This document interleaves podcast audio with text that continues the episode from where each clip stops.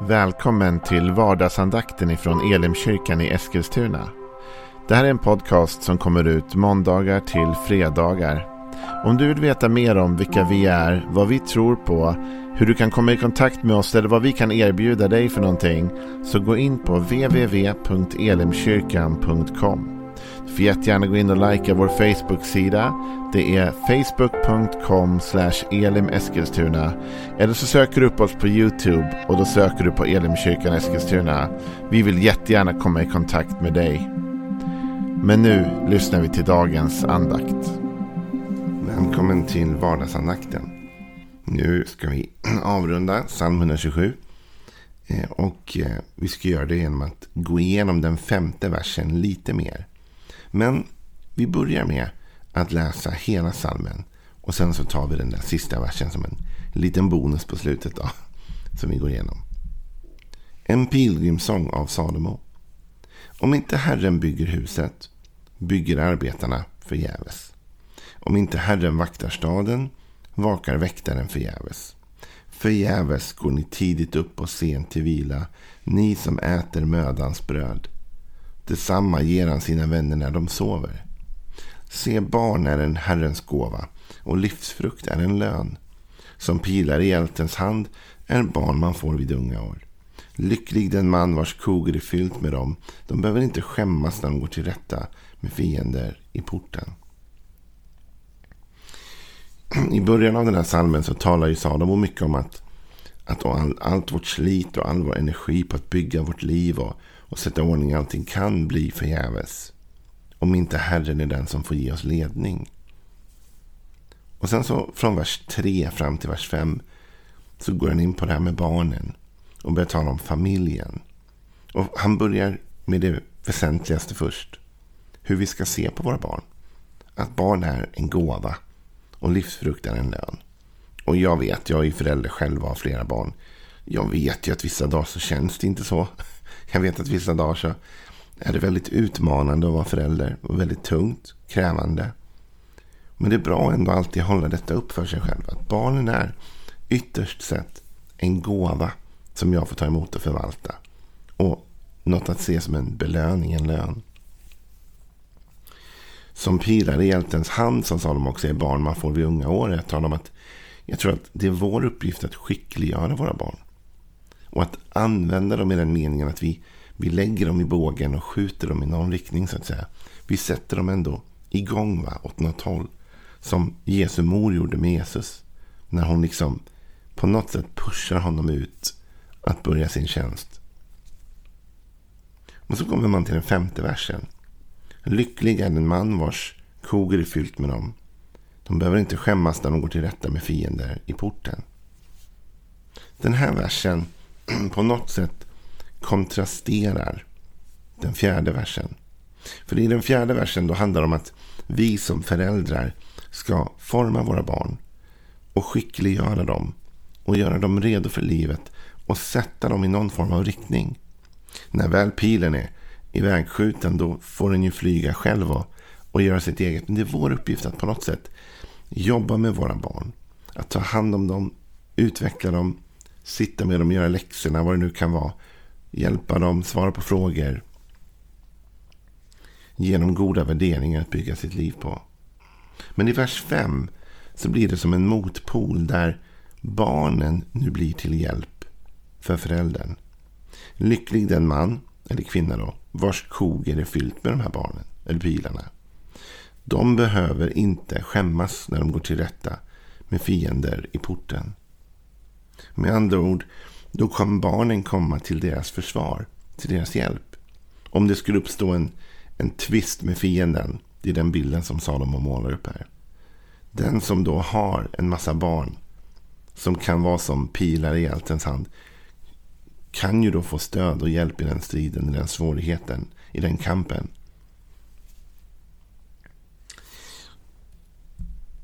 Om man tänker det scenario som Salomo målar upp så målar han ju upp scenariot av en förälder som blir äldre. Och när vi blir äldre så tappar vi lite i kanske fysisk styrka och andra saker. Och kanske inte man kan tänka sig på Salomos tid att den föräldern, den pappan, mannen, var inte lika stark i en stridssituation längre. Men om han hade gott om barn så kunde barnen gå in och strida för honom och hjälpa honom. Och här finns det någonting ändå bibliskt av att hedra sin far och sin mor. Av att faktiskt det är vår uppgift också att ta hand om våra föräldrar. Det börjar ju med att våra föräldrar tar hand om oss. Men någonstans i livet kanske den skiftningen sker. Och jag talade faktiskt med några om det alldeles nyligen. Om hur liksom det, det barn också behöver kliva in när föräldrarna blir äldre. Och ta ansvar och hjälpa och stötta. Och vara som pilar i deras hand. Men att hjälpa dem. Jesus han är i konflikt med fariseerna såklart. Det är han ju stundtals. Och de skriftlärda.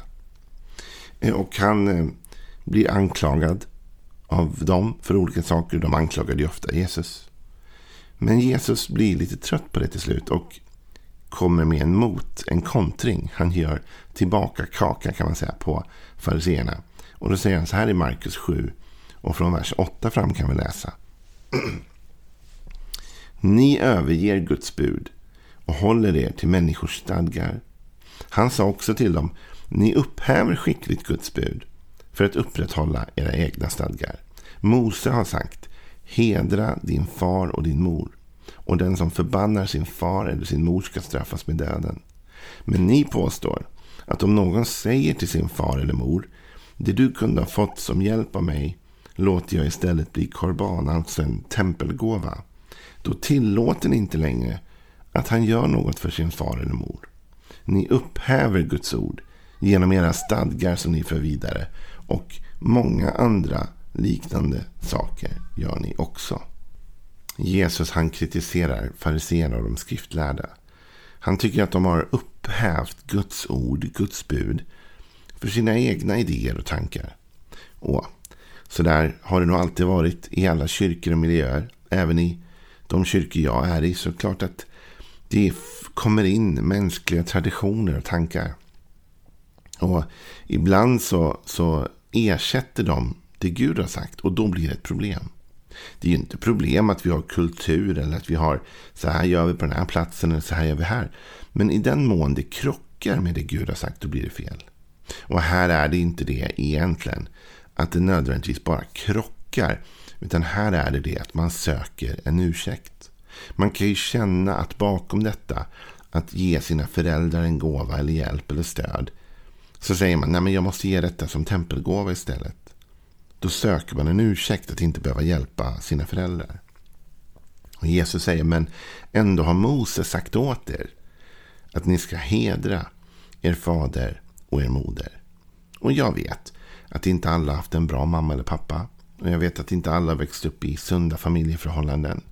Och det kan kännas väldigt svårt att hedra sin mamma och sin pappa. Och då kan man ju behöva jobba igenom saker med Guds hjälp och med andra människors hjälp. Men om vi, om vi tänker oss ändå en sund familjefunktion här nu. Vi tänker som det borde vara. Så borde det vara så att när barnen är små. Då är det vi som föräldrar som har till uppgift att fostra och forma dem. Som pilen i hjältens hand och sätta dem i en riktning. Men sen när vi blir äldre så är det ju inte orimligt att tänka att de barnen sen kommer till vår hjälp. Att de växer upp med en attityd av att hedra sin far och sin mor. Och Jesus till och med så utmanande här. För det är han verkligen. Att han till och med säger ibland kan det vara läge att tänka att det ni skulle ha gett i tempelgåva kanske borde gå till era föräldrar istället. Det finns tillfällen då det är rätt. Och jag vet att det finns föräldrar som kan utnyttja ens goda intentioner och, och pressa och stressa och kräva. Jag vet allt det där. Men låt oss tänka i en sund situation. Där man ändå har växt upp med sunda föräldrar. Och i en sund barndom kan man säga. När vi växer upp sen så får vi en skyldighet att också ta hand om våra föräldrar.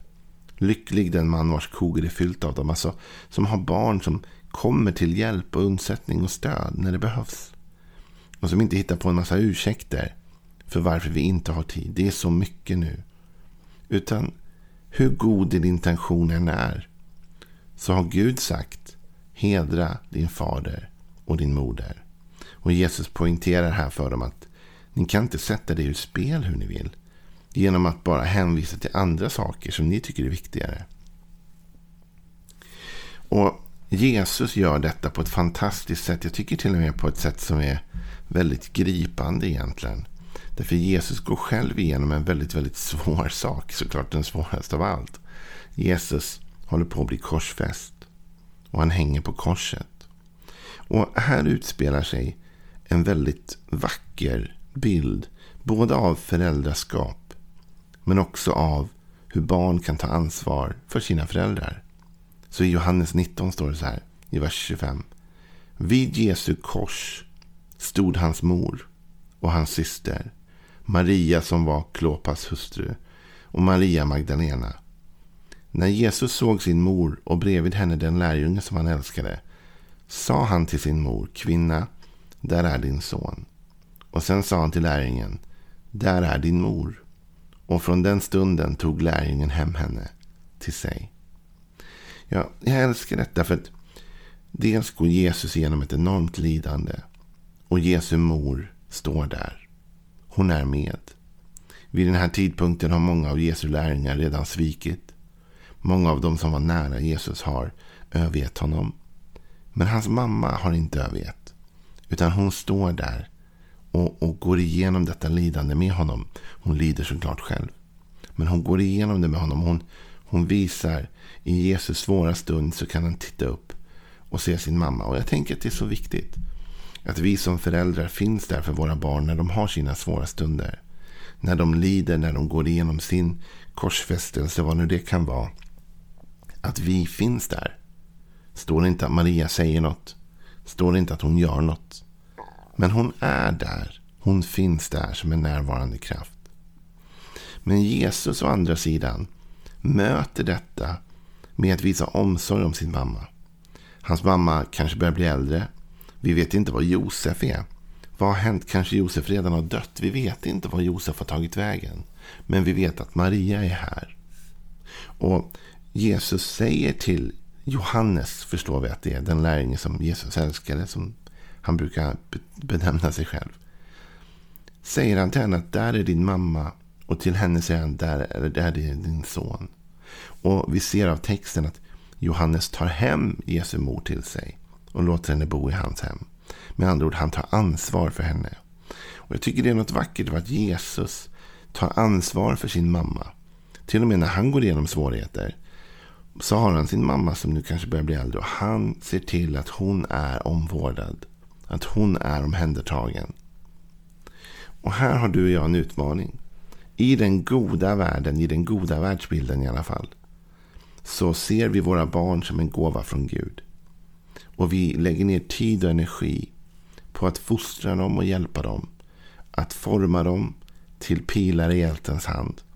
Och vi ser till att vi skjuter iväg dem i livet i en riktning som vi tror är god.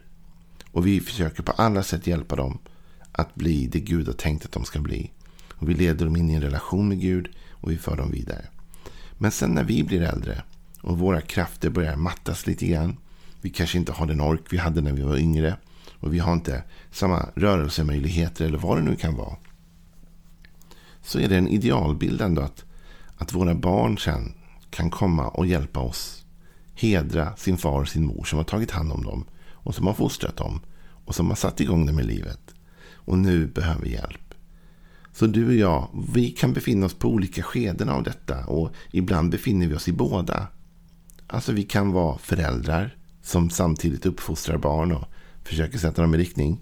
Samtidigt som våra egna föräldrar börjar bli äldre och vi behöver finnas där med ett hedrande även över deras liv. Och hjälpa och stötta dem också i den mån vi kan. Ja, det här var några tankar ändå utifrån den här salmen. För att här i avslutningen så säger ändå Salomo att om det då är någon som har gjort detta, va, då är han lycklig om hans kog är fyllt av de massa dessa hjältepilar. För då behöver han inte skämmas när de går till rätta med fiender i porten. När det uppstår en svår situation så räknar han med att hans barn kommer och supportar honom. Och du och jag får fundera kring de här frågorna. Hedrar vi vår far och vår mor? Kan vi göra mer för våra föräldrar? Och om vi har växt upp i dysfunktionella, svåra familjeförhållanden. Kan vi förlåta? Kan vi hitta vägar att hela och läka? Det kanske är svårt, men det kanske också går. Vi får be och söka Guds ledning i alla dessa frågor. Men i alla fall, Den här salmen handlar om att barn är en gåva. Den handlar om att vi har vår uppgift att fostra dem och sätta dem i riktning. Den handlar också om att de kan komma till vår hjälp när tiden går och vi blir äldre.